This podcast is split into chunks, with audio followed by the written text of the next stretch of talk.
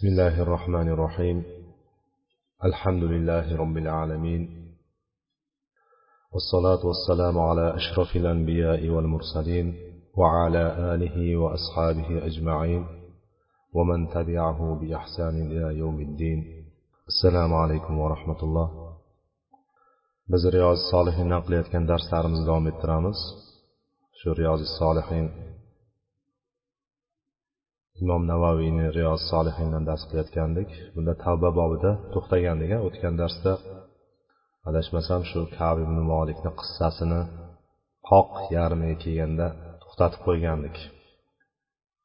Yana ozgina eslatib o'taman o'tgan darsimizdagi e, voqealarni. O'sha tabuk g'azoti haqida o'sha tabuk g'azotidan keyin bo'lgan voqealar haqida biz ozgina qisqacha shu tavba bobiga tegishli va kelajakda bo'ladigan sidiq bobiga rostgo'ylik bobiga tegishli bo'ladigan qismlarini sidiq bobiga ham tegishli joylari bor bu hadisda. Ho'p bu e, tabuk g'azotini yana yana qayta aytaman. Shu hijriy to'qqizinchi yilda bo'lgandi bu rajab oyida. Ya'ni shu yoz bilan kuzni almashayotgan paytida qattiq issiq kunlarda va qirg'oqchilik kelgan makka madina ahlida anchagina qiyinchilik ocharchilikka o'xshagan bir holat yuzaga kelgan paytda rim imperiyasini boshlig'i hiraql tarafidan qirq ming qo'shin tayyorlanadi. Qirq ming qo'shin hozirlanib turib shu arablarni ustiga ya'ni xosatan shu musulmonlarni ustiga bostirib kelmoqchi bo'lganligi xabari kelgandan keyin payg'ambarimiz sollallohu alayhi vasallam ya'ni jihod safarbarligini e'lon qiladilar. Jihod safarbarligi deganimizda ommatan hammaga jihod deb turib e'lon qilinadi. Bunda uzri bor kishilardan boshqa kishilarni qolishligi harom hisoblanadi. Va mana shunga taalluqli bo'lgan voqealar bo'lganda kab ibn molik murora ibn robiya al amriy hilal ibn umayya al voqifiy degan uchta sahobiyni o'sha paytda qalbida iymoni bor haqiqiy mo'min ekanligi va uzrsiz jangdan qolganligi holati bo'lgandi. Mana shu holatda kabul molik o'tgan safar boshidan boshlab gapirib kelayotgandi. Tabukdan boshqa hech qaysidan qolmadim faqat badrda ham qolgandim deb turib o'zini qanday bo'lganligini kimligini anglatgandi. Ya'ni bu badrdan va tabukdan qolganligi va tabuk ham eng qattiq e, kunlarda va juda katta qo'shinga qarab yurilayotgan va uzoq masofalik yo'l bo'lganligi bu paytda qolib ketganligi bir aytib o'tganda o'tgan safar meni shu soyalarga shu meva chevalar pishgan paytda g'arq pishgan paytda bo'lganligi uchun menga buni shu rohatlarga moyilligim bor edi deb aytgandi. Ya'ni bundan kelib chiqmaydiki bu kishi e, kabi molik qo'rqoq bo'lgan yoki shu maishatparast bo'lgan degan narsa kelib chiqmaydi. Insonni tabiati har qancha bo'lmasin har qanaqa bo'lmasin inson baribir o'sha rohatni xohlaydigan qilib yaratilgan. Shuning uchun alloh taolo bizga jannatdagi ne'matlarni tinimsiz bizga ko'rsatadiki biz bu dunyoni ne'matlariga aldanmasdan jannatdagi ne'matlarni tama qilgan holatda o'shani umid qilgan holatda o'shani so'ragan holatda o'shanga qarab turib harakat qilishligimizga alloh taolo bizga ko'rsatib turadi. Bo'lmasam insoniyatni hammasi insoniyat kim bo'lishidan qat'iy nazar o'sha rohatni yaxshi ko'radigan tabiatda yaratilgan inson. Ya'ni inson o'zi tug'ilgandan dunyoni umuman xohlamaydigan dunyo ne'matlarini umuman xohlamaydigan qilib yaratilmagan. Ya'ni tabiatan shunaqa qilib yaratilgan faqat bu narsani biz islomni doirasida hamma narsani o'tkinchi ekanligi va alloh taolo bu dunyoni sinov uchun berayotganligini biz mana shu tarozini qo'yganimizdan keyin hayotimiz to'g'rab ketamiz. Bu kishi ochiqchasiga aytdi ha o'sha payt menga shunga moyillik bor edi dedi. Bu moyillik borligi degani u kishi maishatparast deganligi emas. Inson tabiatini o'zidagi holatda aytdi kishi hamma o'shani yengib o'tadi yengib o'tgandan keyin ajr qozonadi yengib o'tgandan keyin taqvoga erishadi. O'zidagi shahvatlari bor nafs xohishlari bor rohatlari bor. Har xil narsa xayolga keladi o'sha xayoldagi kelgan narsalarni yengib o'tadi ana o'shandagina nima bo'ladi? Taqvo manzilatiga chiqadi.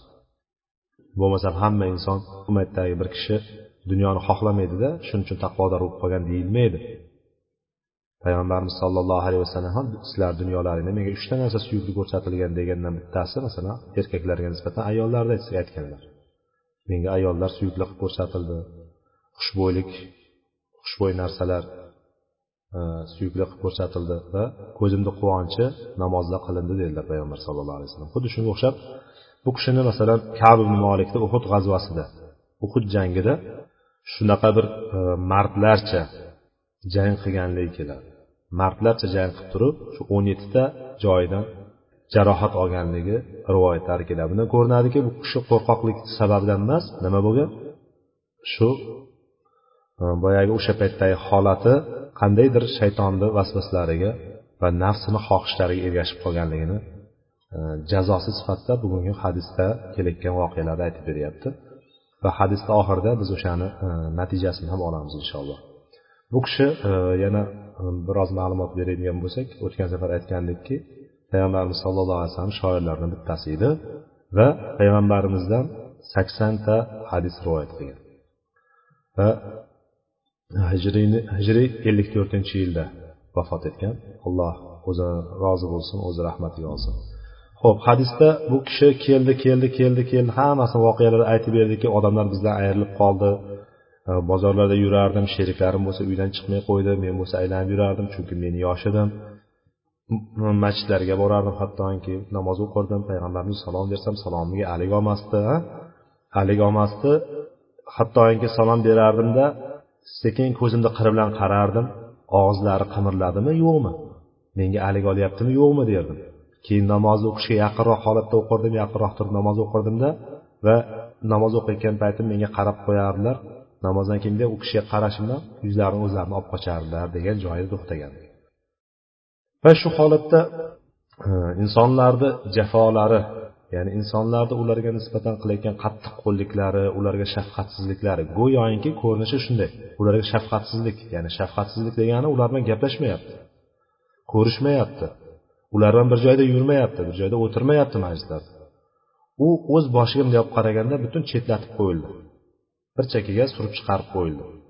Mana shu holatda insonlarni jafolari menga nisbatan uzayib ketgandan keyin bir kuni kunlardan birida مشيت حتى تصورت جدار حائط أبي قتادة وهو ابن عمي وأحب الناس إلي ya'ni bir kun borib borib odamlar jafosi kuchayib ketdi men bordimda yurib borib amakimni o'g'li deyapti amakimni o'g'li bo'lgan va menga insonlarcha eng suyukli bo'lgan eng yaxshi ko'rgan birodari ekan ya'ni amakisi o'g'li amakivachchasi bo'lar ekan abu qatodani devordan oshib tushdim deyapti devoriga tirmashib devorni ustidan oshib tushdimda tasallamtu alayhi. Salom berdim unga assalomu alaykum degan ya'ni kelib turib ya'ni bu narsani bir qiziq joyiki nimaga devordan oshib tushdi? Devordan oshib tushganligini bir e, joyi borki bu kishiga hech kim qabul qilmayapti. Eshigini taqillatsa eshigini ochmasdi. Va agar eshigini ochgan taxtadan agar uyga kirgizadigan bo'lsa odamlarni o'rtasida gap bo'lardi. Ha mana abu qatoda kab ibn molikni uyiga olibdi u bilan gaplashyapti ekan payg'ambarimiz buyruqlariga qarshi chiqyapti ekan degan gap chiqishligi mumkin edi. Mana shuning uchun nima qildi? Devordan oshib tushdi va yoniga qarshisiga chiqib turib salom berdim. Ya'ni allohga qasamki u ham salomga alik olmadi deyapti shuncha odamni qilgani yetmagandek o'lganni ustiga tepgan qilib turib eng yaxshi ko'rgan amakimni o'g'li ham salomga alik olmasa deng deyapti. فقلت له يا أبا قتادة أنشدك بالله هل تعلمني أحب الله ورسوله صلى الله عليه وسلم ya'ni sen ey ollohni o'rtaga qo'yib aytaman dedi ollohni o'rtaga qo'yib aytaman allohni nomi bilan seni so'rayman dedi meni olloh va rasulini yaxshi ko'rishimni bilasanku dedi bilasanku ey menga qara olloh va rasulini yaxshi ko'ramanku men nimaga sen bunaqa qilasan deb turib so'radi u bo'lsa fasakat indamadi Boyagi narsani yana qaytardi. Ey ollohni o'rtasiga nomimni qo'yib aytaman. Men olloh rasulini yaxshi ko'rishimni bilasanku dedi yana fasakat yana indamadi yana sukut qildi. Uchinchi bor so'ragan paytda fauddu fanashattuhu faqala allohu va rasuluhu alam dedi. Uchinchi marta ham xuddi shunday deb turib alloh va rasulni o'rtaga qo'yib aytaman ollohni o'rtaga qo'yib aytaman alloh va rasulni yaxshi ko'rishimni bilasanku dedi boyagi nima dedi? Abu qatoda jiyani E, jiyani emas endi amakivachchasi amakisini o'g'li ekan. Nima dedi? Olloh va rasuli biluvchiroq dedi. Alloh va rasuli alam dedi. Shunday dedi hamki deydi dedi ya'ni ko'zlarini yoshi oqib ketdi deyapti kabi muborak bu gap juda og'ir keldi chunki bir yaxshi ko'rgan eng yaxshi ko'rgan o'ziga yaqin olgan odamdan o'zi aslini olgan paytda doimiy hamma aytadigan gaplar hamma aytadigan gaplar bir yonga yaxshi ko'rgan odami aytadigan gap bir yonga bo'ladi. Bundan qattiq oddiy gaplarni boshqalardan eshitsa ta'sir qilmaydi lekin yaxshi ko'rgan odami bundanda yengilroq bo'lgan gapni gapiradigan bo'lsa bu narsani ko'tara olmaydi. Ya'ni nima bo'ldi? Ko'zlarini yosh oqib ketdi ya'ni shunaqa bir e, holatga tushib qoldiki hatto eng yaxshi ko'rgan amakisini o'g'li ham nima qildi? Unga javob bermadi. Qaranglar bu yerda bir hikmat bir darslarni birdan birdan chiqarib ketamiz. Bu yerda sahobalarni holatlariga bir e'tibor beradigan bo'lsak haqiqatda alloh taolo bu ummatni risolatini keyingi ummatlarga yetkazish vazifasi mana shularni tanlab oldiki payg'ambar sallallohu alayhi vasallam bitta aytdi ya'ni bir marta aytdi. Ya'ni har bittasini bitta bitta yurib ey sen gapirib qo'ymagin deb turib qarindosh urug'iga yaxshi ko'rganlarga bitta bitta aytib chiqmadi. Payg'ambarimiz sallallohu alayhi vasallam e'lon qildirdi tamom. Mo'minlarni ishi aslida shunday bo'ladi. Mo'minlarni ishi olloh va rasuli bir ishga buyurgan paytda ularda ixtiyor qolmaydi. Tamom taslim bo'ladi qo'yadi bo'ldi. Samina va atona deydi. Biz eshitdik itoat qildik bo'ldi deydi. Mana bular haqiqatda nima qildi? Oxiri boyagi olloh nomini o'rtaga qo'yib so'ravergandan keyin oxirida nima dedi? Alloh va rasuli biluvchiroq dedi. Chunki men seni zohiringga qarab turib seni shunaqa deb yurardim lekin katta gunoh qilib qo'yding. Mana bu gunohni rasululloh sollallohu alayhi vasallam bir ollohni amri kelguncha qo'yib qo'ydimi? Demak olloh va rasuli biladi degan javobni berdi go'yoki. Bu narsa shunaqa qattiq ta'sir qildiki ko'zlarimdan yosh oqib ketdi va devordan tirmashib orqamga qaytib ketdim deyapti. Yana eshikdan chiqib ketmadi. Nima? Birodarini yomon gumonga qo'yib qo'yishligi mumkin edi agar ishdan chiqib ketganda. Qaranglar sahobalarni qanchalik hassos bo'lganligini. Birodarlarini o'sha boya birodarini yomon o'ringa qo'yib qo'ymaslik. Odamlar ko'rsa baribir gumon qiladi. Chunki shayton bor o'rtada eshikdan chiqib ketmasdan qanday kelgan bo'lsa yana devordan tirmashib orqaga qaytib ketdim dedi. Keyin kunlarni birida madina bozorlarida yursam madinaga ovqat sotgan taom deb kelyapti. Balki shu don dundir. Qodima bit taom deyapti. Bil madina. O'sha bir kishi kelibdi shom ahlidan bo'lgan shom dehqonlaridan bo'lgan bittasi. Shu taomini sotgani madinaga ketdi shomdan. Shomni bilamiz qayerdaligini suriya urdun falastin. Mana shulardan tashkil topgan o'sha paytda hammasi bitta nom bilan shom deyilardi o'shadan keldi deyapti va odamlardan so'rab boshladi kim menga kabi molik ko'rsatib qo'yadi deb malik deb turib so'radi. Kim menga kabi molikni ko'rsatib qo'yadi deb so'radi odamlardan so'rab boshladi odamlar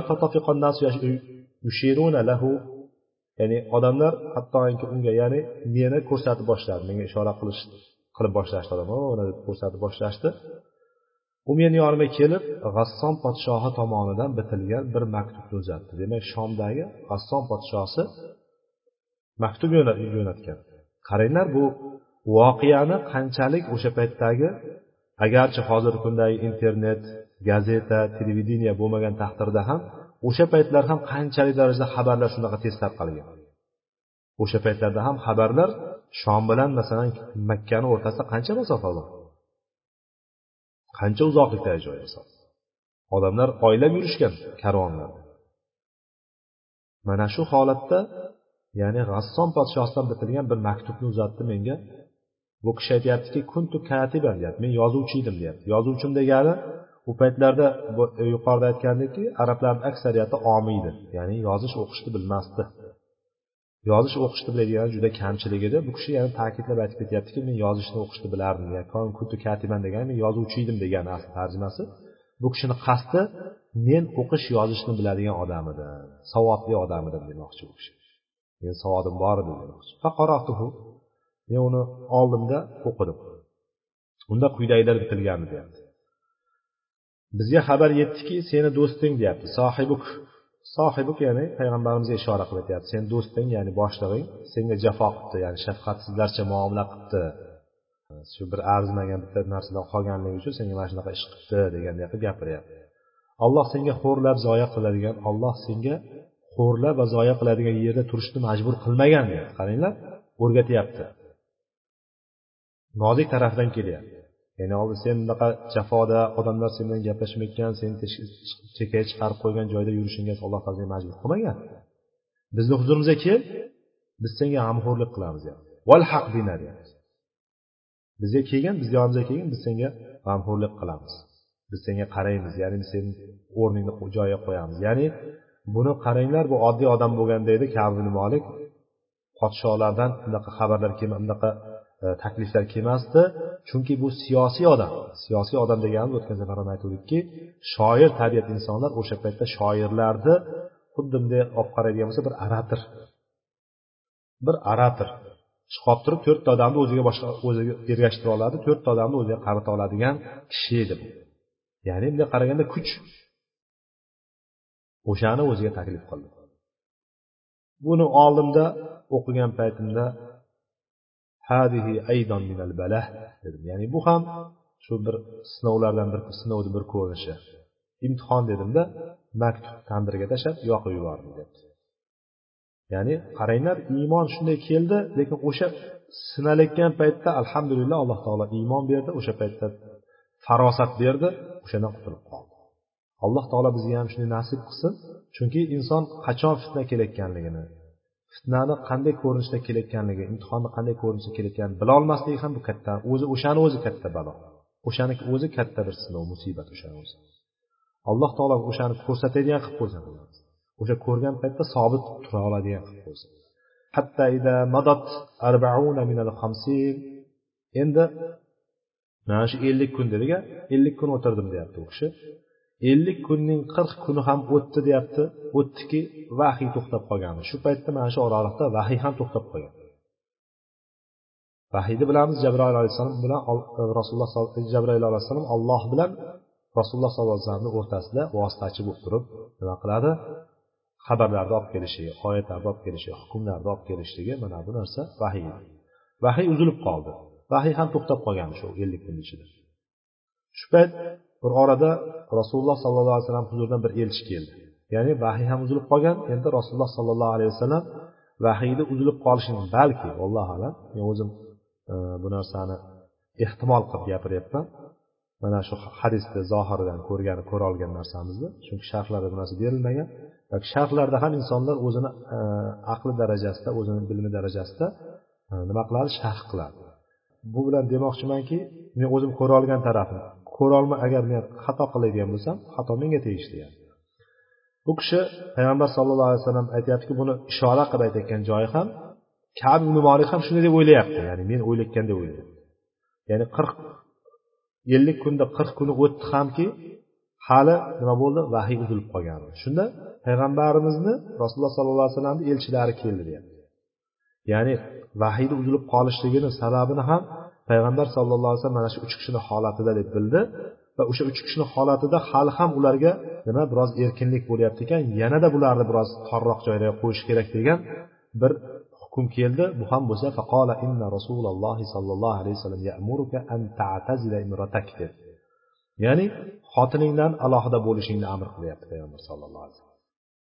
Ya'ni uyda xotini bor ediku bola chaqasi bor xotini endi bola chaqa haqida gapirmayapti xotinni gapiryapti chunki bola chaqadan ko'ra yaqinroq kim bo'ladi xotini bo'ladi. Xotiningdan alohida bo'lishini payg'ambarimiz sallallohu alayhi vasallam buyuryapti demak vahiyni to'xtab qolishligini ham sababini bu kishi orqasidan zikr qilgani go'yoki shuni izoh qilayotgandek payg'ambarimiz buyurdi ayol ajralishdi. Ayol ham ajralsa ana endi undan keyin bularga haqiqiy tayinlik keladi. Ya'ni inson ichida bir siqilib qolsa hamma tomon tang holatga keladigan bo'lsa dardini boshqaga aytsa biroz yengillashadi biroz yengillashadi ya'ni shuning uchun er xotin bir biridan dardkash go'yoki bu bunga aytadi bu bunga aytadi ichidagi narsa yengillashadi. Endi bu bo'lib turibdi demak tashqi muhitdan ajraldimi? Hali ham bitta dardkashi bor bularda degan narsa kelib chiqyaptida. Faqultu aytdimki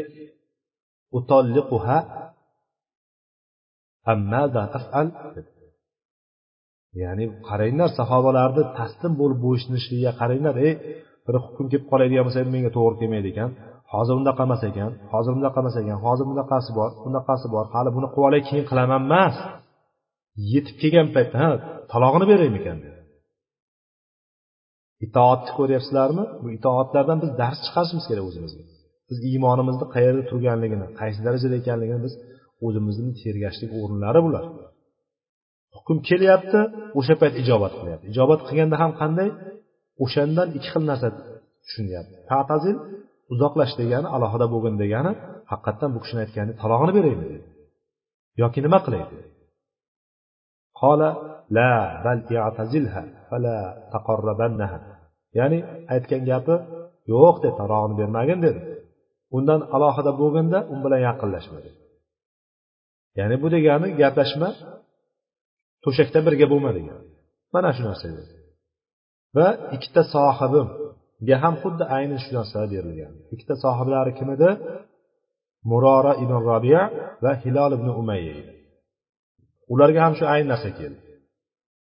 Va men aytdimki kabni aytyapti xotiniga ilhaqi bi ahliki fakuni indahum hatta yaqdiyallohu fi hadal amr deb bor uyingga borginda dedi shu. Onangnikka bor otangnikka bor. Qachon shu alloh taolo mana shu ishni hukmini chiqarmagunicha o'shalarni huzurida bo'lib turaver dedi. Bor onangnikiga ketaver dedi.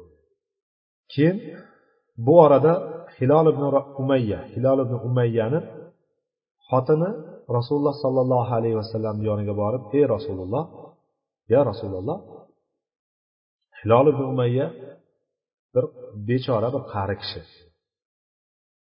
Bir xizmatkori ham yo'q uni xizmatini qiladigan. Fahal takrahu an ahdimahu ahdumahu. Ya'ni men uni xizmatini qilishimdan norozimisiz xohlamaysizmi shuni xizmatini qilib tursam ya'ni yeydigan ichadigan narsani tayyorlab berib tursam balki tahorat suvini berib tursam deganday ya'ni umumiy hammasi xizmatni ichiga hammasi kirib ketadi. Men xizmatini qilib turishimni yomon ko'rasizmi? Undan norozimisiz? Dedi. Payg'ambarimiz sallallohu alayhi vasallam yo'q dedi. Lekin u senga yaqinlik qilmasin shunda xotini aytdiki allohga qasamki bu ish tugul biror narsa qilishga ham toqati yo'q dedi. Ya'ni bu, bu ish yoqda tursin dedi. Boshqa narsa ham qo'li bormaydi. Qariga biron narsa qiladigan holati yo'q uni. U bechora ana shu ish bo'lgandan beri nima bo'ldi? Shu kungacha yig'lashmay dedi. Hali yig'lab yotibdi shuni bilan dedi. Yoshi ham katta edi o'tgan safar aytuvdik ya'ni shunaqa qari kishi. Bu kishi yana ta'kidlab aytyapti qari qari bo'lgandan keyin ham ya'ni menga yotoqda ham hojati yo'q o'zi. U tugul bironta ishga ham qo'li bormayapti faqat yotib yig'lagan yig'lagan shunda kabi moliga aytyaptiki meni ahllarimdan ba'zilari ahllarimdan ba'zilari degani ahillarimdan biri balki boshqa xotini ham bordir. Ahlimdan ba'zisi deyapti ahlimning biri deb aytganida e, ba'zisi degani biri ahlimdan bittasi deb. Balki farzandlaridir. Balki ota onasidir balki boshqasidir. Olloh bilguvchi. Ahlni ichiga xotin bola chaqa kirib ketadi. Endi bu yerda nima nazarda tutilsa ham buyruq bitta xotinga bo'layotganidan e, demak shu bitta xotinidir balki. Boshqa xotini yo'qdir. Ala kulli hal demak ahlimdan ba'zisi menga aytdiki sen ham rasululloh sollallohu alayhi vasallam xotiningni xizmati to'g'risida izn so'rasangchi. Ana hilol ibn umayyani xotini izn berdilarku deyishdi. Qaranglar odamlar bittachini bu inson tabiatida bu arab bo'ladimi anada ajam bo'ladimi negr bo'ladimi rus bo'ladimi inson tabiati. Inson birovdagi ko'rgan ne'matga nima? Intilishlik bor birovdagi holatda o'zida bo'lishligi intilishi bor birov yaxshiroq uyda tursa shu men ham yaxshirog'iga tursam deydi birovga yaxshiroq keladigan bo'lsa ey dadasi siz ham qilsangiz bo'lmaydimi shuni? deydi. Falonchi bunday qildi pistonchi bunday qildi deydi. Ya'ni bu narsa inson fitrati bu. Bu ham aytyapti ey sen ham borib so'rasang bo'lmasmidi ana hilol ibn ubayyan xotiniga izn berishdiku dedi qaranglar bu aytdiki kabin molik men izn so'ramayman chunki rasululloh sollallohu alayhi vasallam nima deyishini bilmayman haqiqatda bir juda holat e, shunaqa holatki bir umid bilan borgan kishi bir narsani umidini qilib orzulanib borgan paytda orzusi amalga osholmasa qanday? Yer bilan bitta bo'ladi. Aytadiku o'zbek tilida yer yorilmadi men kirib ketmadim deydiyu. Xuddi shunday.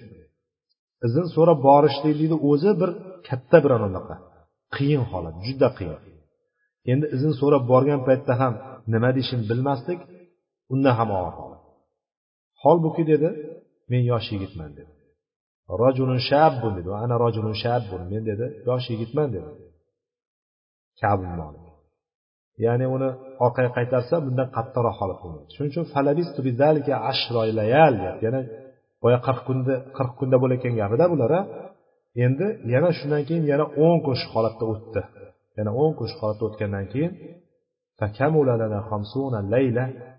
endi bizni gaplashishimizdan to'xtatib qo'ygandan beri biz bilan gaplashishlik man qilingandan buyog'iga tom ellik kun o'tdi deyapti. Elliginchi kuni tongida uylarimizning birini tomida uylarimizni bittasini tomini ustida. Ya'ni biz hozirgi kundagidek e, tom qilingan ustiga shifr qo'yilgan yoki bo'lmasa tunika qo'yilgan tomlar emas bunday loyshvoq qilib qo'ygan uylar ko'zimiz oldiga kelsin qishloqlarda. Loyshvoq qilib qo'yib turib qora qog'oz bosib ustiga loyshvoq qilib qo'yilgan uylar xayolimizga kelsa yanada aniqroq bo'ladi. Shu bolani ko'rgansizlar yugurib ketayotgan tushib ketadiyu tandir ichiga. Shunga o'xshagan uylar ya'ni. Shuni ustida namoz bomdod namozini o'qidim deyapti. Ana shu holimda o'tirganimda olloh biz haqimizda zikr biz haqimizda zikr qilgan deyapti. Ya'ni alloh taolo men shu holatda o'tirgan o'tirgan paytimda alloh taolo bizni hukmimizni bizni ustimizda уже bir holatni zikr qilgandi bizni haqimizda lekin bu bilmaydi. Endi bu holatda o'zida bo'lib o'tib bo'lgandan keyin bu gapirib beryaptida bu kishi. Yuragim siqilib ya'ni shunaqa doqat alayya nafsi ya'ni ichim siqilib ichim ichim qorong'ilashib ketdi. Ichimga hech narsa sig'may qoldi deymizu. Ichiga chiroq yoqsa chiroq ham yorishtira olmaydigan darajada ichi siqilib ketgan yer keng bo'lishiga shunday keng bo'lishiga qaramay tor torayib ketgandek bo'lib turgan bir paytda mana shunaqa holat qaranglar ikkita holat inson o'zi siqilib qolishligi mumkin. O'zi siqilib qolishligi mumkin. Lekin tashqariga bir aylanib kelsa bir birodarni yoniga borib kelsa yoki bir yaxshi ko'rgan odamni yoniga borib kelsa yoki borib turib ba'zilar savdo sotiq qilib kelsa yoki ba'zilar borib turib oshxonaga borib bironta ovqat yeb keladigan bo'lsa biroz tarqab ichish lekin bu kishi aytyaptiki bitta holat o'zidagi tanglik yuragini siqilib qolganligi bir tarafi bo'lsa undan keyin keng yer ham tor bo'lib qoldi deyapti. Keng yerni tor bo'lishligi ya'ni dunyoga ham sig'maydi o'ziga o'zi sig'magan yetmagandek dunyoga ham sig'maydi. Ikkita narsa mana shu ikkalasi jamlanadi insonda.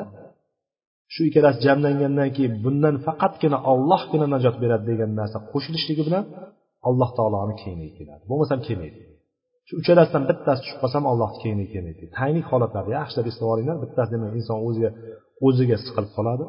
Yuragi siqilib o'ziga sig'may qoladi. Keyin dunyo keng bo'lsa dunyoga sig'may qoladi. Ana undan keyin mana shu holatdan faqatgina ollohgina qutqaradi degan e'tiqod qalbiga mustahkam joylashadi. Ollohni faroji keladi. Allohni kengligi allohni kushoyishi o'sha holatdan chiqarishligi keladi.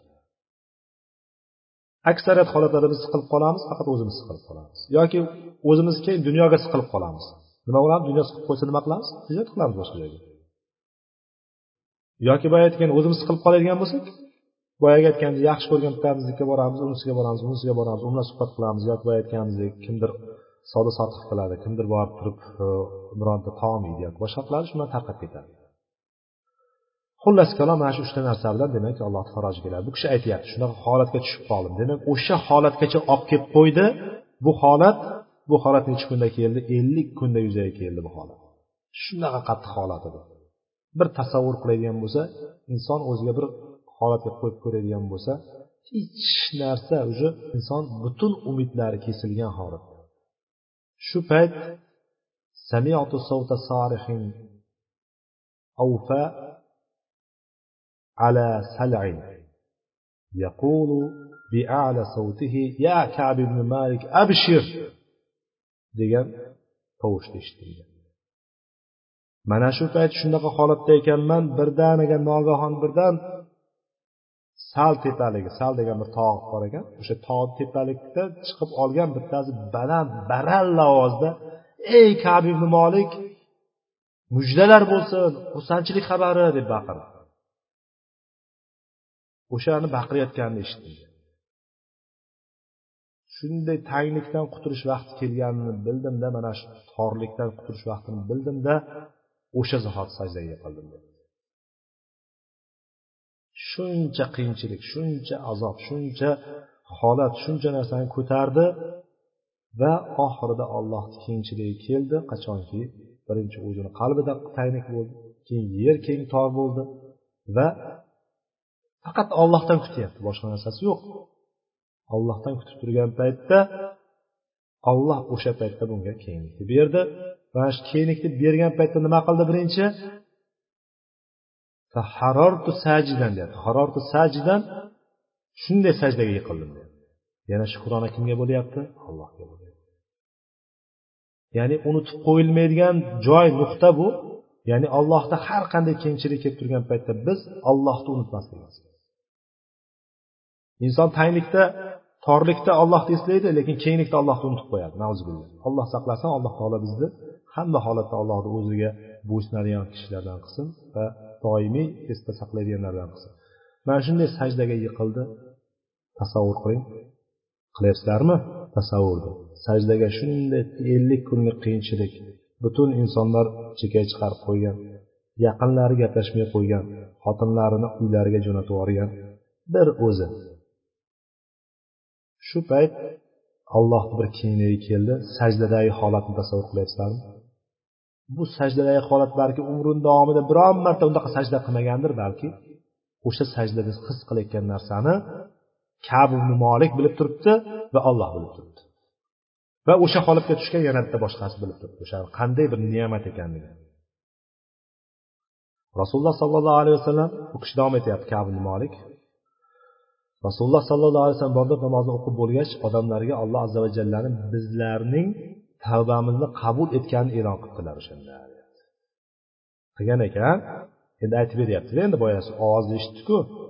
Ovoz qanday kelib qoldi bularga o'shani? Jarayonni anglatib beryapti ko'ryapsizlarmi? Shoir tabiat boyagi yozuvchi insonlarni odamlarni qanday bir o'zini bir qissasini ichiga shunday domiga tortib ketib qoldi bizda ham. Shunday anglatib beryaptiki ichiga kirib ketib qolasiz boshqa hamma narsani unutaverasiz o'qib ichiga kirib ketaverasiz ichiga kirib kirib kirib oxiri nima bo'larkan oxiri nima bo'larkan deb turib kirib boraverasiz. Bu insonlarga ta'sir qilishlikni e, qanday ekanligini mana mana shu holatda ko'rib turibmiz bittasini bitta holatini mana shu kabi molikni o'zini qisqacha bayon qilib bergan narsasida ko'rib turibmiz. E, bu kishi nima dedi? O'qib bergandan keyin alloh azza jalla bizni ustimizda nima qilgan ekan? Namozni o'qib bo'lganlaridan keyin bomdoddan keyin odamlarga e'lon qilibdi u boya aytuvdi bomdod namozini o'qib men o'qib bo'lgan paytimda shunaqa holatda ekanman. Alloh bizni ustimizda bir bizni haqimizda bir zikr qilgandi degani ya'ni bomdod paytida zikr qilganligini aytmoqchi bo'ldi u kishi boya yuqorida aytgan. Mana payg'ambar alayhi vasallam bomdodni o'qib bo'ldilar va odamlarga e'lon qildilar. Odamlar nima qildi? Odamlar ham xursandchilikni ulashish degan narsa bor. Xursandchilikni bir biriga ulashish shunga odamlar mushtoq bo'lgan. Bir bir birodarni xursand qilishlik bir birodarni ko'nglini olishlik shuncha haris bo'lgan. Bu sahobalarni xislatlaridan bittasi. Va mo'minlar shunaqa sifatlar bilan sifatlanishi kerak bo'lgan bitta sifat odamlar bizga va ikki birodarimga deyapti. Va ikki birodarimni aytuvdiga murora ibn robi va hilol ibn umayya. Ikkalasiga nima ketdi? Xushxabar berishga shoshilib yugurib qolishgan odamlar. Unisi yoqqa bunisi bu yoqqa chiqib qolishgan. Bittasi ot minib chiqsa bir kishi men tarafga oldimga qarab turib ot mingan holda chopgan bo'lsa va yana bittasi aslam qabilasidan aslam qabilasidan bo'lgan yana bittasi piyoda holatda cho'vib yugurib borib toqqa chiqib baland boya sal degan tog'dan keldi ovozi. Yugurib borib toqqa chiqqan baland ovoz bilan abshir ya malik deb baqirdi. Ya ya ibn malik ya kabni malik abshir deb baqirdi. Ya'ni o'sha baqirgani qarang. Aytyaptiki bu kishi uning ovozi otdan ham tezroq edi ya'ni otda chopgan kishidan oldin buni ovozi yetib keldida. Kim birinchi xushxabar bergan bo'ladi otmi yoki bu odammi? Odam kelmasa ham ot birinchi yetib kelgandir undan keyin. Lekin birinchi ovozni kimdan eshitdi? U tepada bani aslamdan aslam qabilasidagi kishidan bittasi. Endi bular demak ot kelgan bo'lsa yo'q men birinchi uni ovozini eshitdim deb turib nima qiladi? Javobini beraveradi. Chunki birinchi eshitgan odam e, e'tiborli. Birinchi kimdan eshitsa xushxabarni ya'ni xushxabar bergan paytda inson suyunchi deb qo'yamizu demak buni ham tagi bor ekan. E, chunki bu narsa inkor qilinmagan narsalardan bittasi mana suyunchi bering deb bitta narsa xursandchilik xabari bergan paytda bir hadyalar berishlik mana mana hozir keladi. Xushxabarni eshitgan paytimda o'sha kishi oldimga kelib tabriklaganida ya'ni xushxabarni eshitganim o'sha kishi. Kim edi u? Boyagi sal tepaliga chiqib turib bani aslamdan bo'lgan bir kishi chiqarib baqirganini eshitgan o'sha kishi yetib keldi keyin uyimga. Bu yayov kelayotganda kelib tabriklaganida unga xushxabari uchun xursand bo'lganimda ustimdagi ikki kiyimni yechib berdim deyapti. Yechib unga kiygizib qo'ydim deyapti. Ikkita kiyim bor. Hozir ehrom tasavvur qilinglar.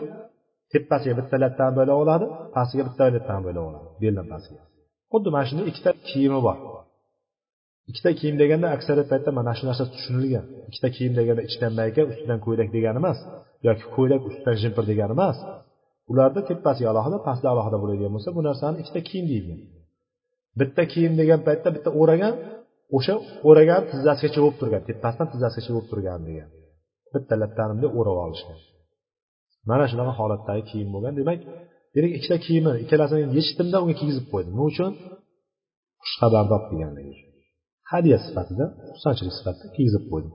Allohga qasamki o'sha kunlarda o'sha ikkita kiyimimdan boshqa narsaga ega emasdim deyapti. Qaranglar bu holatni. Ikkita tuyam bor edi o'sha payt kuchli edim deb aytdi. Lekin bunday olib qaragan odam ikkita tuyasi bo'lgan odam lekin uyida boshqa kiyimi ham yo'q ekan subhanalloh. Bizni hozirga qaraydigan bo'lsak shkaf ochadigan bo'lsak kiyimdan kiyimlarimiz qanchasi turibdi? Har bittasiga javob beramiz buni yaxshilab bilib olaylik. Sahobalar umar roziyallohu anhu kiyimlarini yuvib qo'yib quriguncha kutib turar ekan chunki boshqa kiyim yo'qligidan chiqishlik uchun. Mana bu kishi ham nima ikkita kiyim yechib berdim allohga qasamki deyapti vallohi ma amliku g'oyrahuma yawma idin o'sha paytlar mana shu ikkita kiyimdan boshqa biron narsaga ya'ni bironta kiyimga ega emasdim. U kiyimim yo'q edi dedi. Va orqasidan nima qildi? Kiydirib qo'ygandan keyin endi payg'ambar sallallohu alayhi vasallam yoniga borish kerak. Nima qildi? Keyin o'sha ikkita kiyimni kiyimi qarzga oldi. Ijaraga olgan. Berib turgin kiyib borib kelib turay keyin beraman rasululloh sollallohu alayhi vasallamni huzurlariga jo'nadim. Ikkita kiyimni qarzga oldimda kiyib rasululloh sollallohu alayhi vasallamni huzuriga jo'nadim. Odamlar yo'lda to'da to'da bo'lib tavba qabul bo'lganida meni tabriklashardi qaranglar odamlar hammasi favjan favjan bo'lib turib ya'ni to'da to'da bo'lib turib yo'llarda turadiku masalan bunday o'tib ketsangiz qishloq tasavvur qiling. Odamlar bomdoddan qaytyapti.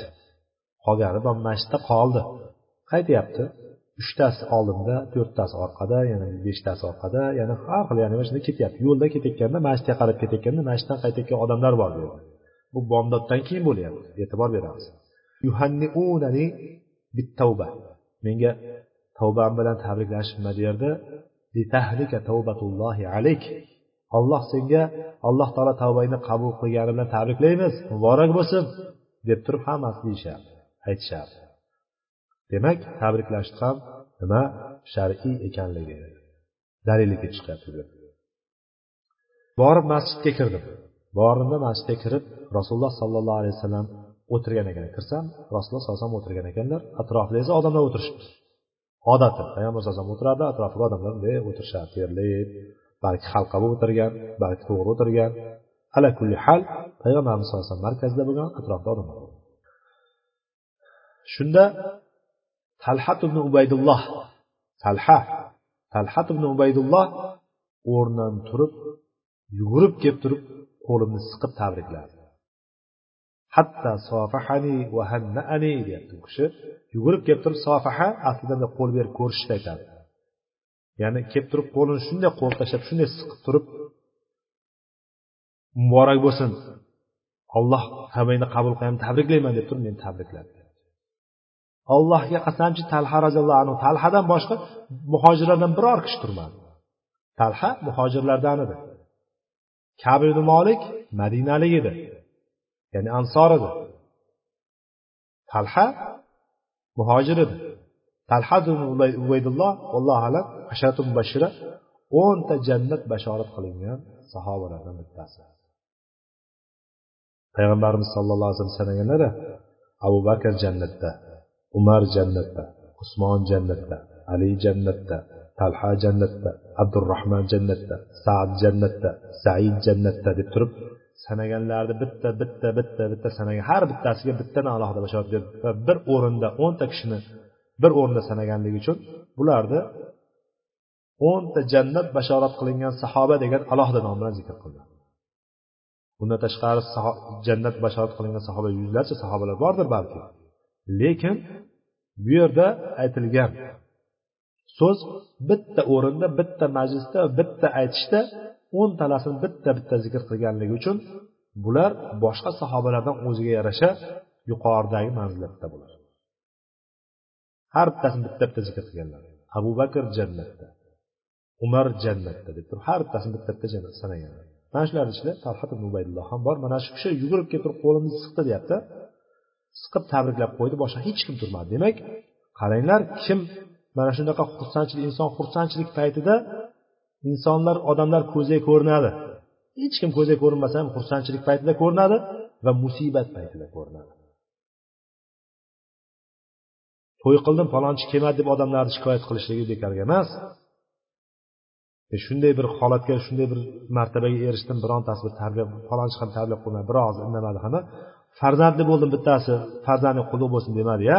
Alloh sog' farzand qilsin demadi ya. Deyishligida haqli inson tabiati shunaqa inson xursand paytida xursand bo'lgan paytida o'sha xursandchiligiga xursandchilik qo'shadigan o'sha xursandchilikdan xursand bo'ladigan kishilarni nima qiladi? Nazardan qochirmaydi. Va o'shanda o'sha paytda uni e'tibor bermaganlardan qandaydir ko'ngli g'ash bo'ladi. Xafa bo'lgan paytda ham. Inson butunlay qiynalib turgan paytda kasal bo'lib turibdi deylik.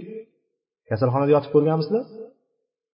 Bansada yotsalaringiz yaqinlaringiz umuman kelmasa tasavvur qiling. Hech kim kelmayapti yaqinlaringizdan lekin yaqin emas degan bitta kishi keldida siz kelib turib bir ko'rib hech narsa olib kelmasin siz bu inson ba'zida yotganda bir ovqatga yoki bir narsaga muhtoj emas inson.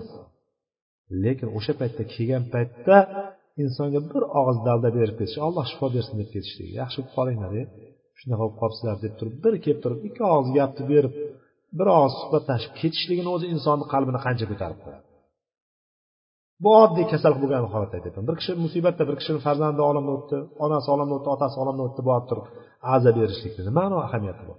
Inson o'sha paytda insonni qalbiga bir yaqinlik kerak dalda beruvchi kerak. Hatto payg'ambar sallallohu alayhi vasallam toifdan qaytayotganlarida zayd ibn horisani qaytayotgan toshbo'ron qilishdi. Toshlar yosh bolalar toshlardan quvishib hatto payg'ambar sollallohu alayhi vasallam yuzlaridagi oyoqlarida qonlarni sidirib tushirdi degan hatto shunaqa darajada qonga belandilar. Nima uchun? Ollohni tanitishlik uchun. Hali ollohni yo'lida bizga bir tikan kirdimi yo'qmi? O'zimizni bir tasavvur qilaylik.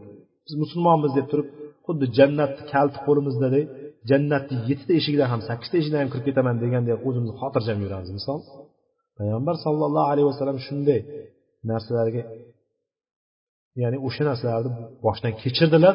O'sha payt nima bo'ldi? Jabroil alayhissalom keldi. Nimaga keldi? Dalda berish uchun keldi. Ruxsat bering dedi. Mana shu tog'ni ikkiga urib dedi. Mana shularni yo'q qilib yuboray dedi. Payg'ambar sallallohu alayhi vasallam mehribonligi ollohda u kishini qalbiga rahmat solib qo'yganligi aytdiki ular bilmadilar. Yo'q dedi unday qilmagin. Ular meni bilmasdan shunday holatga soldilar. Va duo qildilar o'shalarni haqqiga o'shalarni farzandlaridan islomga xizmat qiluvchilar chiqarishligi ya'ni bu ala kulli hal aytayotgan bu yerda misol qilib keltirayotgan joyim inson xursand bo'lgan paytda nima bo'lar ekan? Xursandchiligiga sherik bo'ladigan kishilarni xohlaydi. Musibat bo'lganda nima? Dalda beruvchi kishilarni xohlaydi bu insonni fitratan tabiati roviy aytyapti. Roviy kim edi bu kishini o'g'li edi abdullohmidi abdulloh ibn kab molik abdulloh edi. Roviy aytyapti. Kab kab deyapti. Talhani bu ishini umuman unutmadi deyapti. Qaranglar kab mana shu holatdan keyin talhani muhojirlarni ichidan ya'ni ansorlar yo'lda tabriklagandir balki ichkarida balki faqat muhojirlar o'tirgandir. Olloh bilguvchi qanday holat bo'lishligini lekin o'shani ichidan muhojirlarni ichidan faqat buni turganligini e'tibori miyasiga qadalib qoldi. Ya'ni muhojirlardan boshqa hech kim turmadi talhadan boshqa deb. Va talha bu narsani umuman unutmadi. Mana shu ishini hech ham unutmadi.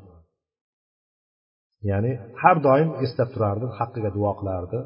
Rahmat aytardi mana shunaqa qilardi. Bu narsada bir nuqtasi bor bu nuqtani o'tgan safar e, ya'ni biroz keyinga qo'yib ketgan joyim bor edi mana shu keyinga qo'yib ketgan joyim payg'ambar sallallohu alayhi vasallam makkaga hijrat qilib e, makkadan madinaga hijrat qilganlarni muhojirlar derdi. Yana bir terminlarni men termin o'ralab aytib ketyapmanda. Yani hammamiz bilamiz buni muhojirlar kim ansorlar kim? Yana bir qoidaga qo'yib ketyapman yani. Makkadan madinaga payg'ambarimiz bilan birga hijrat qilganlarni muhojirlar deyardi madinaliklarni ansorlar deyardi ansorlar muhojirlarga yordam beruvchilar degan kelgan paytda ular nima? Joy bilan ta'minladi ish bilan ta'minladi qarashdi boshqa qildi va payg'ambar sollallohu alayhi vasallam kelgan paytda sahobalarni muhojirlarni bittadan madinalikka do'st qilib uchrashtirib qo'ydi do'st qilib berib qo'ydi ya'ni do'stlashtirish degan narsa bu. Bir biriga o'rtoq qilib qo'ydi. Falonchi bunga falonchi pistonchiga deb turib hammasini bir biriga qo'l berishtirib mana shu senga mana shu senga mana shu seni do'sting bu kundan boshlab turib sen shunga qaraysan sen shunga qaraysan deganday qilib turib bitta bitta birlashtirib qo'ydi. Tasavvur qiling mana hozir biz muhojirlikdamiz deylik keldik kelgan paytimizda bitta oilaga bittadan o'sha yurtdagi ansorlardan bittasi kelib turib birlashtirib qo'yilsa. Birlashtirib qo'yilsada endi siz nima? Dardingizni agar biron bir bu yerdagi sizni qo'lingizda emas bu yerdagilarni ishi bajariladigan holatlar bo'lib qoladigan bo'lsa o'shanga murojaat qilasiz. Ya'ni qanday dinda kenglik bor va ansorlarni ham qancha ajri bor agar o'sha muhojirlarga o'sha ishni qila olsa. Ya'ni payg'ambar sallallohu alayhi vasallam islom davlatini mukammal qilishlik uchun birinchidan ikkita millatni ya'ni ikkita millat arab edi ular lekin ikkita joydan kelgan o'rtada to'rt yuz ellik besh yuz kilometr joy bor. Ikkita tarafdan kelib turgan bir birini tanimaydigan odamlarni bir biriga do'st qilib qo'yyapti bu bilan birinchidan do'stlik aloqasi bo'lyapti ikkinchidan u yerdagi joylar bilmaydi boshqa narsani bilmaydi urf odatni bilmaydi mana bularni hammasini nima qiladi? Unga bu o'rgatadi. Buni katta hikmatlari bor. Bu o'rni emas bo'lganligi uchun qisqacha aytib ketmoqchiman. Shunaqa paytda payg'ambarimiz sollallohu alayhi vasallam talhat ibn ubaydulloh asharay mubashshira ya'ni o'nta jannat bashorat qilingan sahobalardan bittasi bo'lgan talhat ibn ubaydulloh muhojirni madinalik kab ibn molikka do'st qilib qo'ygandi. Ko'ryapsizlarmi? Demak ular do'stlashib do'stlashtirib qo'yilgan va mana shu do'stlashishlikda qalblarda haqiqiy do'stlik paydo bo'lganligini ham bitta ko'rinishi bor kim turdi talha yugurib kelib turib tabrikladi ho'p kab ibn molik davom etadi gapida yana qaranglar rasululloh sollallohu alayhi vasallamga salom berdim deyapti kelib turib falamma sallamtu ala rasulillahi sollallohu alayhi vasallam قال وهو يبرق وجهه من السرور abshir bi xayri yawmin marra alayka muz valadatka ummuk dedilar payg'ambar sallallohu alayhi vasallam ya'ni xursand bo'lib ketganlar yuzlari yarqirab porlab ketdi payg'ambar sallallohu alayhi vasallam. Xursand bo'lganda yuzlari shunaqa bir nur ajralib ketayotganday bo'lib ketardi payg'ambar sallallohu alayhi vasallamni shunaqa holatda bo'lib kelib turib aytdiki tug'ilganingdan beri o'tgan kunlaringning eng yaxshisi qutlug' bo'lsin dedi payg'ambar sallallohu alayhi vasallam. Payg'ambar sallallohu alayhi vasallam nima qilyapti? Tabriklayapti demak bu narsadan yaxshiliklarda holatlarda insonlarni tabriklashlik o'sha narsa bor ekanligiga yana bir dalil hatto payg'ambar sollallohu alayhi vasallamni o'zlari qildilar shu narsaga kab molik aytdiki amin indik ya rasululloh amin aindillah. Yana aytdiki yo rasululloh bu xushxabar siz tarafingizdanmi yoki alloh tarafidanmi? dedi.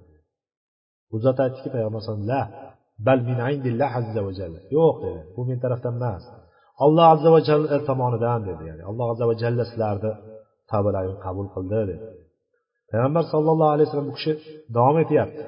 Qarang yuqorida yuzlari yaraqlab ketdi dediyu yuzlari yorqirab ketdi yarqirab ketdi porlab ketdi deb tushuntirdiyu ya'ni o'shani ham e, nima qilib ketdi? Izohlab ketyapti.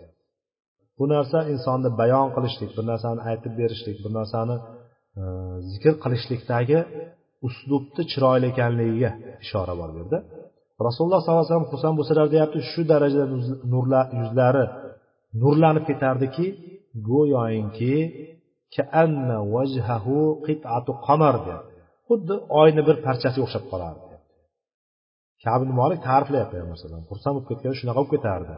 Boya yuzlari xursand bo'lib ketganligini bildirib turgandi salom berganda demoqchi. Va biz bu narsani bilardik deyapti. Mana shu yuzlari porlab ketgan paytda xursand bo'lib ketganligini bilardik deyapti. Keyin keldimda rasululloh sallallohu alayhi vasallamni yoniga o'tirdim.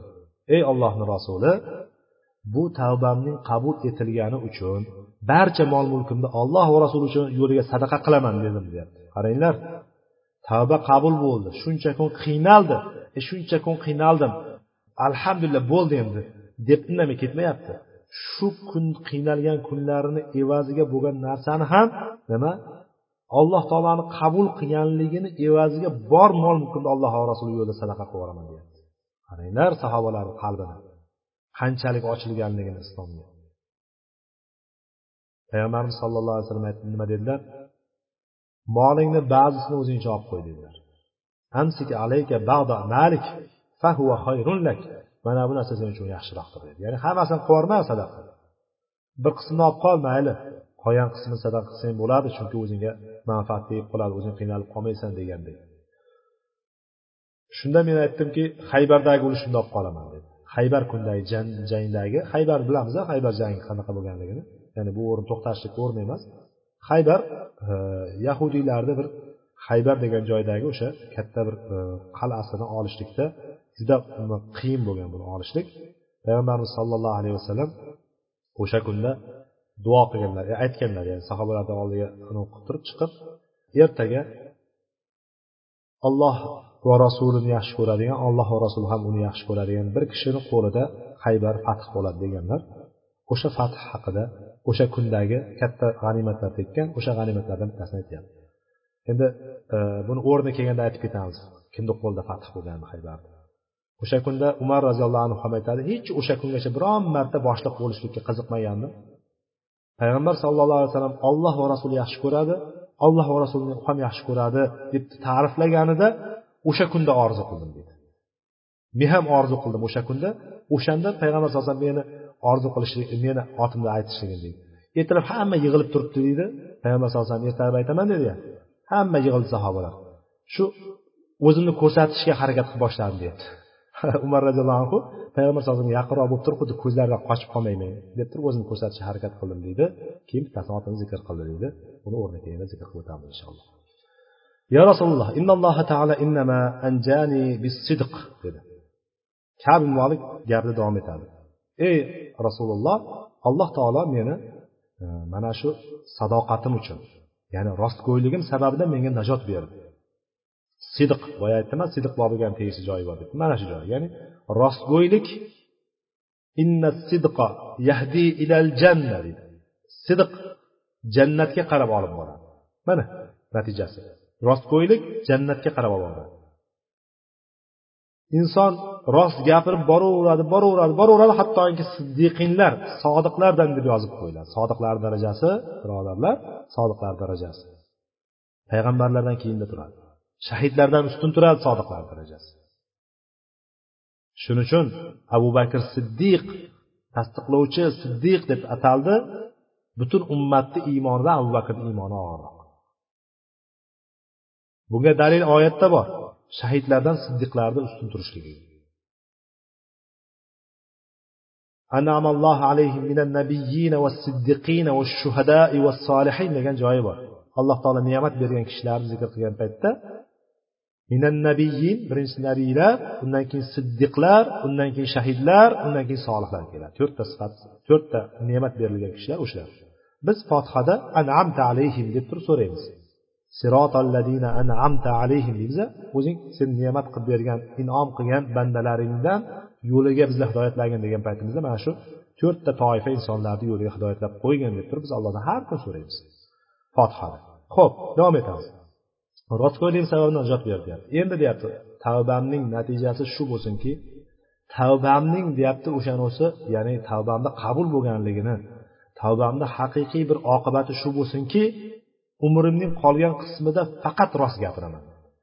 Faqat rost gapiray bundan keyin biron marta nima? Yolg'on yoki biron narsa aralashtirmayman dedi. Allohga qasamki bu so'zlarni rasululloh sollallohu alayhi vasallam aytganimdan beri rost so'zlaganim uchun olloh menga bergan fazli inomini hech kimga ya'ni musulmonlarda bo'lgan hech kimga qilmaganini bilaman. Ya'ni rostgo'y bo'lganligi uchun alloh taolo hamma narsani berganligini bu kishi o'zlarini og'zidan aytyapti. Allohga qasamki rasululloh sollallohu alayhi vasallamga bu so'zlarni zikr qilganimdan beri shu kungacha biror kalima yolg'on ishlatishni qasd qilmadim gapirmadim emas birodar farqi bor. Qasd qilmadim ya'ni niyat qilmadim shuni gapiraman deb turib qalbimga olib kelmadim. Shu yerda shunday desam bo'ladimikan bunday desam bo'ladimikan? Tavriya deymiz boshqa narsani qasd qilishlik ya'ni. E, yolg'onni bir ko'rinishi deydi olimlar tavriyani tavriya degani bir narsani yashirishlik uchun uyda falon bormi desa yo'q bu yerda yo'q deb qo'yadi. Bu yerda yo'q deb turib yonini aytayotgan bo'ladi uyda bor bo'ladi o'sha. Xuddi shunga o'xshagan narsa. Ha boyagi kim desa ibrohim alayhissalom qilgan edi. Bu e, kim deb so'rasa birodarim deb aytgin deydi. Akam deb aytgin deydi. Xotiniga akam deb aytgin deydi. Chunki yer yuzida bugun deydi biz islomiy aka singilmiz deydi. Yer yuzida bizdan boshqa musulmon yo'q deydi ibrohim alayhissalom. Boyagi sora onamizni boyagi e, zolim podsho bo'ladiyu o'sha zolim podshoni huzuriga olib ketayotganda shunaqa ya'ni agar uni aytib qo'ysa ibrohim alayhissalomni o'ldirishligi va uni o'zlashtirib olishligi ehtimoli bo'lganligi uchun singlisiman deb aytgin deydi. Ya'ni qasdi singlidan qasdi uxti degani arab tilida ya'ni birodarga ham ketadi aka singilga ham ketadi. Islomdagi singlimsan deb qo'yadilar. Xuddi shunga o'xshagan tavriya. Ya'ni bu kishi aytyaptiki hattoki qasd qilmadim deyapti. Chunki mana shu bilan najot topganligi. Bundan keyin kelib chiqadiki tavbani shartlaridan bittasi qilgan ishga umuman qaytmaslik. O'shanda tavbani qabul bo'lishligi qanosi bo'ladi qabul bo'lganligini bir belgisi bo'ladi. O'sha ishga siz qaytmayapsizmi? O'sha ishdan doimiy hazar qilib yuribsizmi? O'sha yerdan doimiy uzoq bo'lib yuribsizmi? O'sha holatda oxirigacha olib keta olsangiz demak tavbani qabul bo'lganligi shart o'sha bitta belgisi. Lekin bu kishini tavbasi qabul bo'lganligini oyat bayon qilgandi. Lekin shunda ham shunda oxirigacha davom etadi. Demak bizga oyat tushmayapti. Biz bilmayapmiz qayerdan tavbamiz qabul bo'layotganligini bizni bitta biladigan yo'limiz o'sha ishni qaytib umuman qilmasligimiz tavbamizni qabul bo'lganligini ishorasidan bittasi. Shu dunyoda qabul bo'lganligi bittasi olloh qolgan umrimda ham yolg'ondan saqlanishni umid qilaman deyapti. Ollohdan qolgan umrimda ham yolg'ondan saqlanish saqlashini alloh taoloni meni saqlashini. Alloh. Alloh taolo meni qolgan umrimda ham alloh taolo saqlashin deyapti. Men o'zim saqlanishim demayapti e'tibor beringlar. Demak bizni harakatlarimizni ham olloh yaratadi. Biz bir ishni qilamiz deb turib harakat qilamiz. Qilingan ish ishni olloh yaratadi. Yaratuvchi olloh bizni o'zimizni ham amallarimizni ham alloh taolo yaratadi. Mana bu kishi aytyaptiki meni alloh taolo yolg'ondan saqlashini umid qilaman deyapti. Kishi o'zi saqlanyapti lekin alloh taolo nima qilib beryapti uni? Saqlab beryapti. Mana shuni demak ahli e, jamoani e'tiqodi mana shu edi. Kabi molik mana shu o'rinda qaysi oyat nozil bo'lganligini ham aytib o'tdi. mana bu oyatlarni bir aytib o'tamiz. Vaqtimiz ham oz qoldi. Inshaalloh mana shu oyatlarni qaysi oyatlar tushganligini bir eslatib o'tamiz. Kabi nimolik eslatib o'tyapti. Alloh taolo quyidagi oyatni nozil qilgandi deyapti. Laqad taballohu alan nabiy val muhajirin val ansari allazina ittaba'uhu fi sa'ati al-usra min ba'di ma kada qulubu fariqin minhum summa alayhim innahu bihim raufur rahim degan oyat. Bu birinchisi tavba surasini bir yuz o'n yetti bir yuz o'n sakkiz bir yuz o'n to'qqizinchi oyatlar. Haqiqatda alloh subhana taolo payg'ambarning muhojirlarning va ansorlarning tavbalarini qabul qildi. Ulardan bir guruhi ya'ni ulardan bir toifasi qachon? Jang maydonida fariqun minhum. Ulardan bir toifasi musulmonlardan dillarida boyagi jangdagi mashaqqat qiyinchilik sababli sal siljgan bo'luvdi.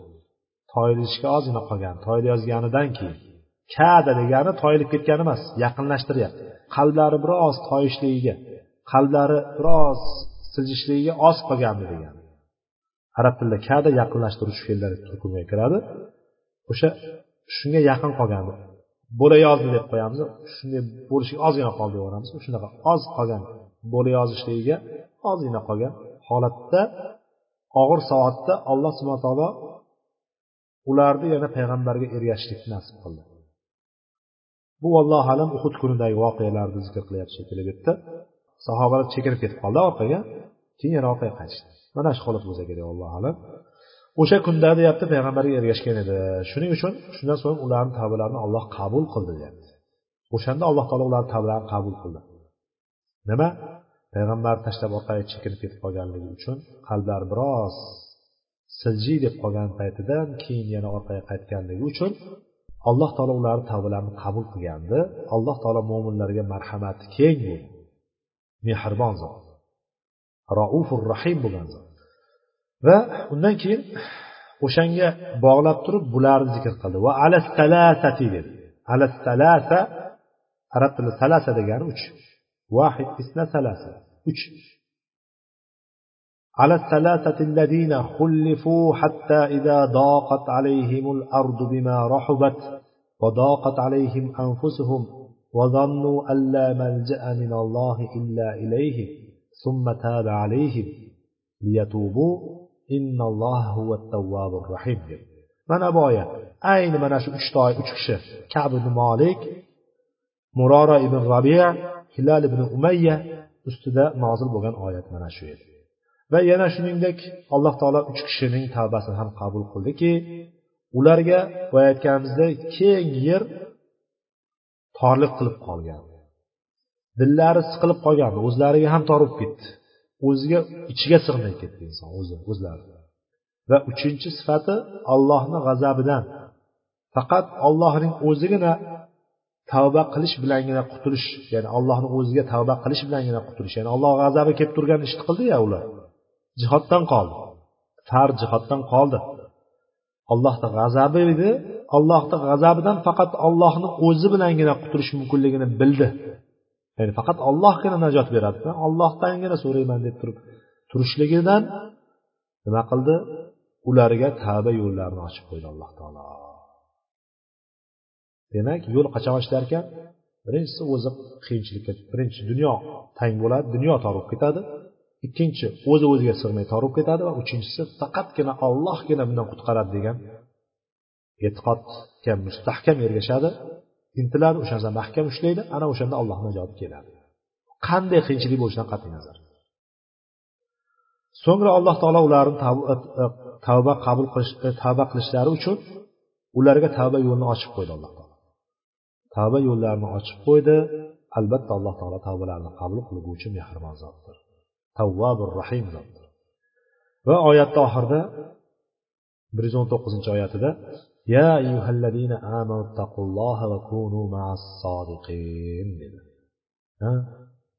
ey mo'minlar deb alloh taolo bizni iymon sifatimiz bilan chaqirdi va ollohdan qo'rqinglar ollohdan taqvo qilinglar va sodiqlar bilan birga bo'linglar dedi alloh taolo. Va kunu sodiqin dedi. Rostgo'y kishilar bilan. Iymonlarida rostgo'y kishi bo'lganlar bilan. Amallarida rostgo'y kishi bo'lganlar bilan.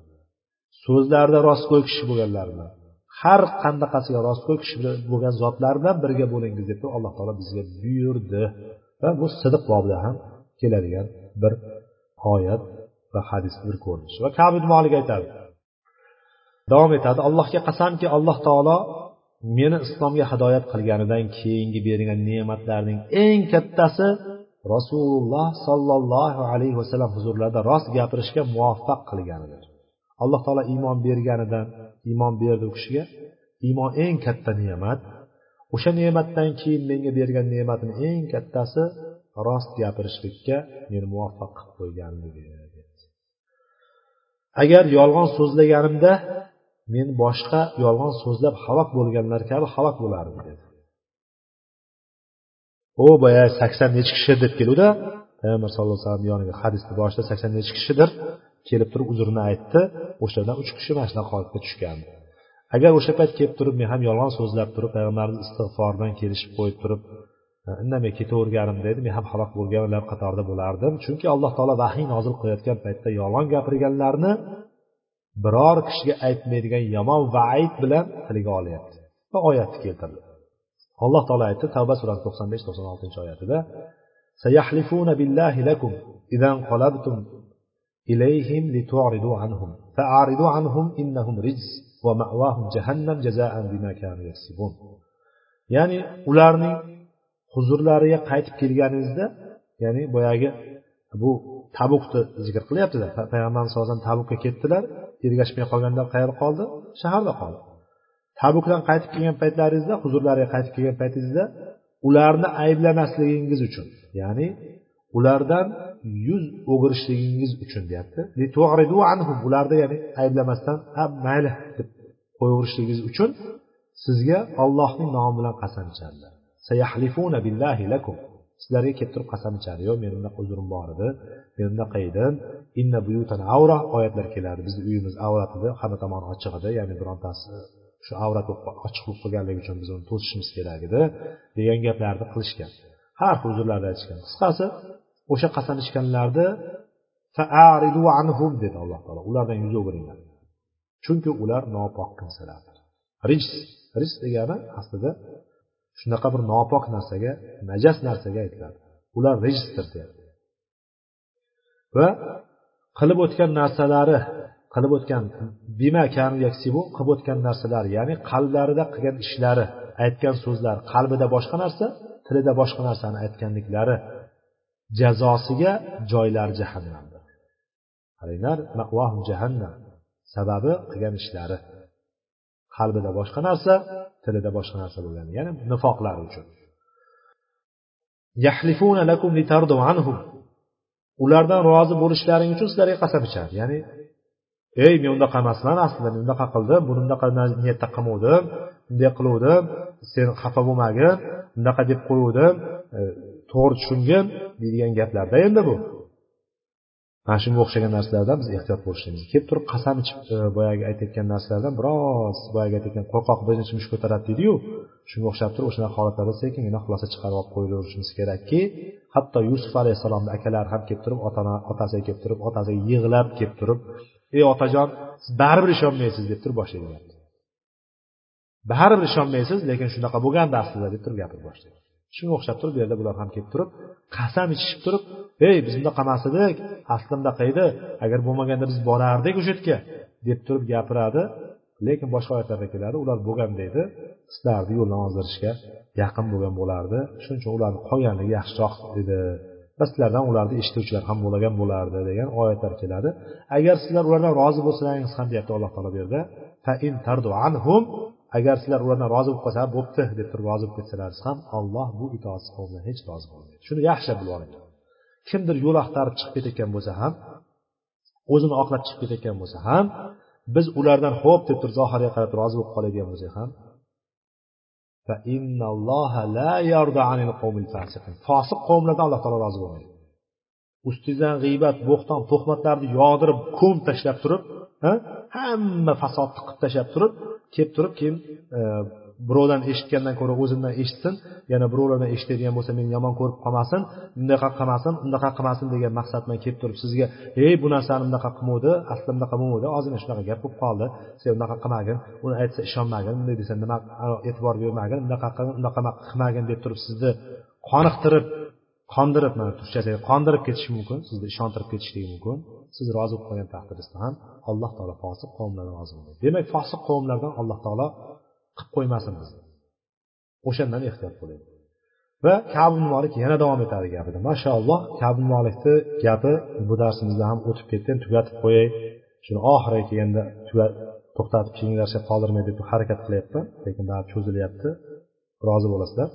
Ho'p kabi molik aytdiki kunna خلفنا أيها الثلاثة عن أمر أولئك الذين قبل منهم رسول الله صلى الله عليه وسلم حين حلفوا له endi bu yerda oyatda deb keldi ortda qolgan uch kishi deb keldi ortda qolgan deganda kim nima tushunyapti hozir oddiy ortda qolgan uch kishini ham gunohini tavbasini olloh qabul qildi deb turibdi oyatda nima tushunyapsizlar tushungan narsa biz birinchi kalamga keladigan g'azotdan orqada qoldi deb tushunamiz o'sha boyagi payg'ambarimiz birga ketmadi orqada qoldi degan narsa tushunyapsiz yo'q bu kishi aytyaptiki o'sha narsani biz uch nafarimiz deyapti va uchalamiz. Kabni molik murora ibn robiya va hilal ibn umayya. Uchalamiz ishimiz orqaga surilgan edi. Boshqalar qasam ichib bayat qilishgan ya'ni ishimizni orqaga qo'ygan ya'ni payg'ambarimiz sallallohu alayhi vasallam orqaga qo'yib qo'ydi. Bularni ishini olloh hukm qilguncha sizlar turib turinglar deb turib orqaga qo'ygan ya'ni kimdan orqada qolgan ekan? Payg'ambarimiz sallallohu alayhi vasallam yoniga kelib turib qasam ichib payg'ambarimizga bayat berib payg'ambarimiz ularga mag'firat tilaganlaridan orqada qolingan ishi orqaga qo'yib qo'yilgan.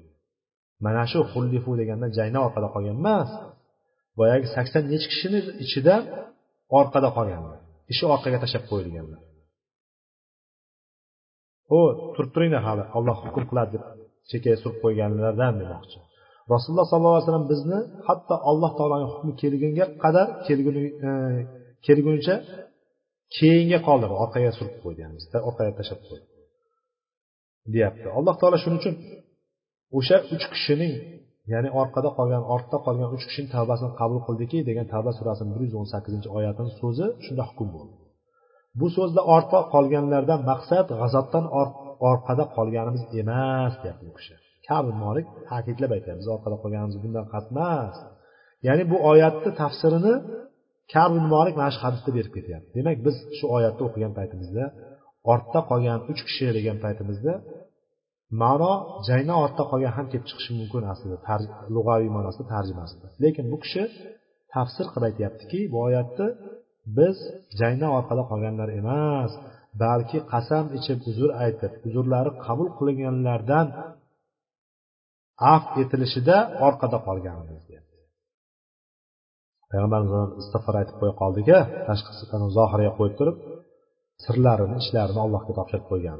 O'shalardan ortda qolgan bu narsani muttafaqun alayhi hadis ekan. Buxoriy va muslimda kelgan hadis. Hadislari sihhat darajasida kuchlilari buxoriy va muslimni ikkalasi ittifoq qilgan hadis ya'ni ikkalasidan ham kelgan hadis hisoblanadi. Eng kuchli sihat darajasi mana shular bo'ladi. Demak bu hadisda kelgan narsalar hammasi sahih rivoyatdan kelgan ekan. Buxoriy va muslimda kelgan rivoyat bilan demak oyat tafsiridagi biz qasam ichib tavba e, kechirib e, bo'pti deb turib afv yuborilgan kechirib yuborilgan kishilardan orqada e, tavbamiz orqada qo'yilgan kishilar ekanligini olishligimiz va kab molikdan kelgan boyagi ikkalasi ham badriy edi ular. Ikkita birodarimiz zikr qildi ikkalasi ham badrda ishtirok etgandi. Ular o'rnak edi degan narsalar demak bu ikkalasini ham badrda ishtirok etganlardan ekanligini olamiz bulardan foydalardan. Va boshqa rivoyatda aytadilarki payg'ambar sallallohu alayhi vasallam tabuk g'azotida tabuk g'azotiga payshanba kuni chiqdilar. Yovmal hamis payshanba kuni chiqdilar. U zotga payshanba kuni chiqishni u zot payshanba kuni chiqishni yaxshi ko'rardilar g'azotga payshanba kuni chiqishni yaxshi ko'rar ekan. Demak payshanba kuni chiqib ketganligini olyapmiz. Demak o'sha hijriy to'qqizinchi yilning rajab oyida dedik yoki e, milodiy olti yuz o'ttizinchi yilda e, adashmasam sentyabr oktyabr oylari bo'lsa kerak. Mana shunaqa oylarda demak payshanba kuni chiqqanligi kelib chiqyapti deyapti payshanba kuni e, yo'lga chiqqanligi kelyapti. Va boshqa rivoyatda payg'ambar sallallohu alayhi vasallam aytdilarki rasul eh, payg'ambar sallallohu alayhi vasallam aytiladi shunaqa rivoyat payg'ambar sallallohu alayhi vasallam safardan keladigan bo'lsalar kunduzi choshgoh vaqtida choshgoh degani zuho vaqti quyosh ko'tarilib bir nayza ikki nayza yerdan ya'ni ko'tarilgandan keyin bunday bir nayza ya'ni bir bir yarim metr ikki yarim metr ikki metr degan tasavvurni oladigan bo'lsak shunaqa yuqoriga ko'tarilgandan to quyosh tikka kelguncha bo'lgan vaqt orasini zuho payti deydi. O'zbekchasi choshgoh vaqti deb tarjima qilishgan. O'sha paytda kelib safardan qaytadigan bo'lsa o'sha paytda kelib birinchi masjidga borar va ikki rakat namoz o'qib keyin boyagi o'tgan darsda aytgandek sahobalar bilan gaplashib o'tirishga chordana qurib o'tirardi o'sha yerda. Sahobalarni kutib o'sha yerda majlis qurib o'tirardilar keyin uyga kirardilar. Mana bu hadisdan oladigan narsalarimiz mana shu ekan. سبحانك اللهم وبحمدك أشهد أن لا إله إلا أنت أستغفرك وأتوب إليك وآخر دعوانا أن الحمد لله رب العالمين.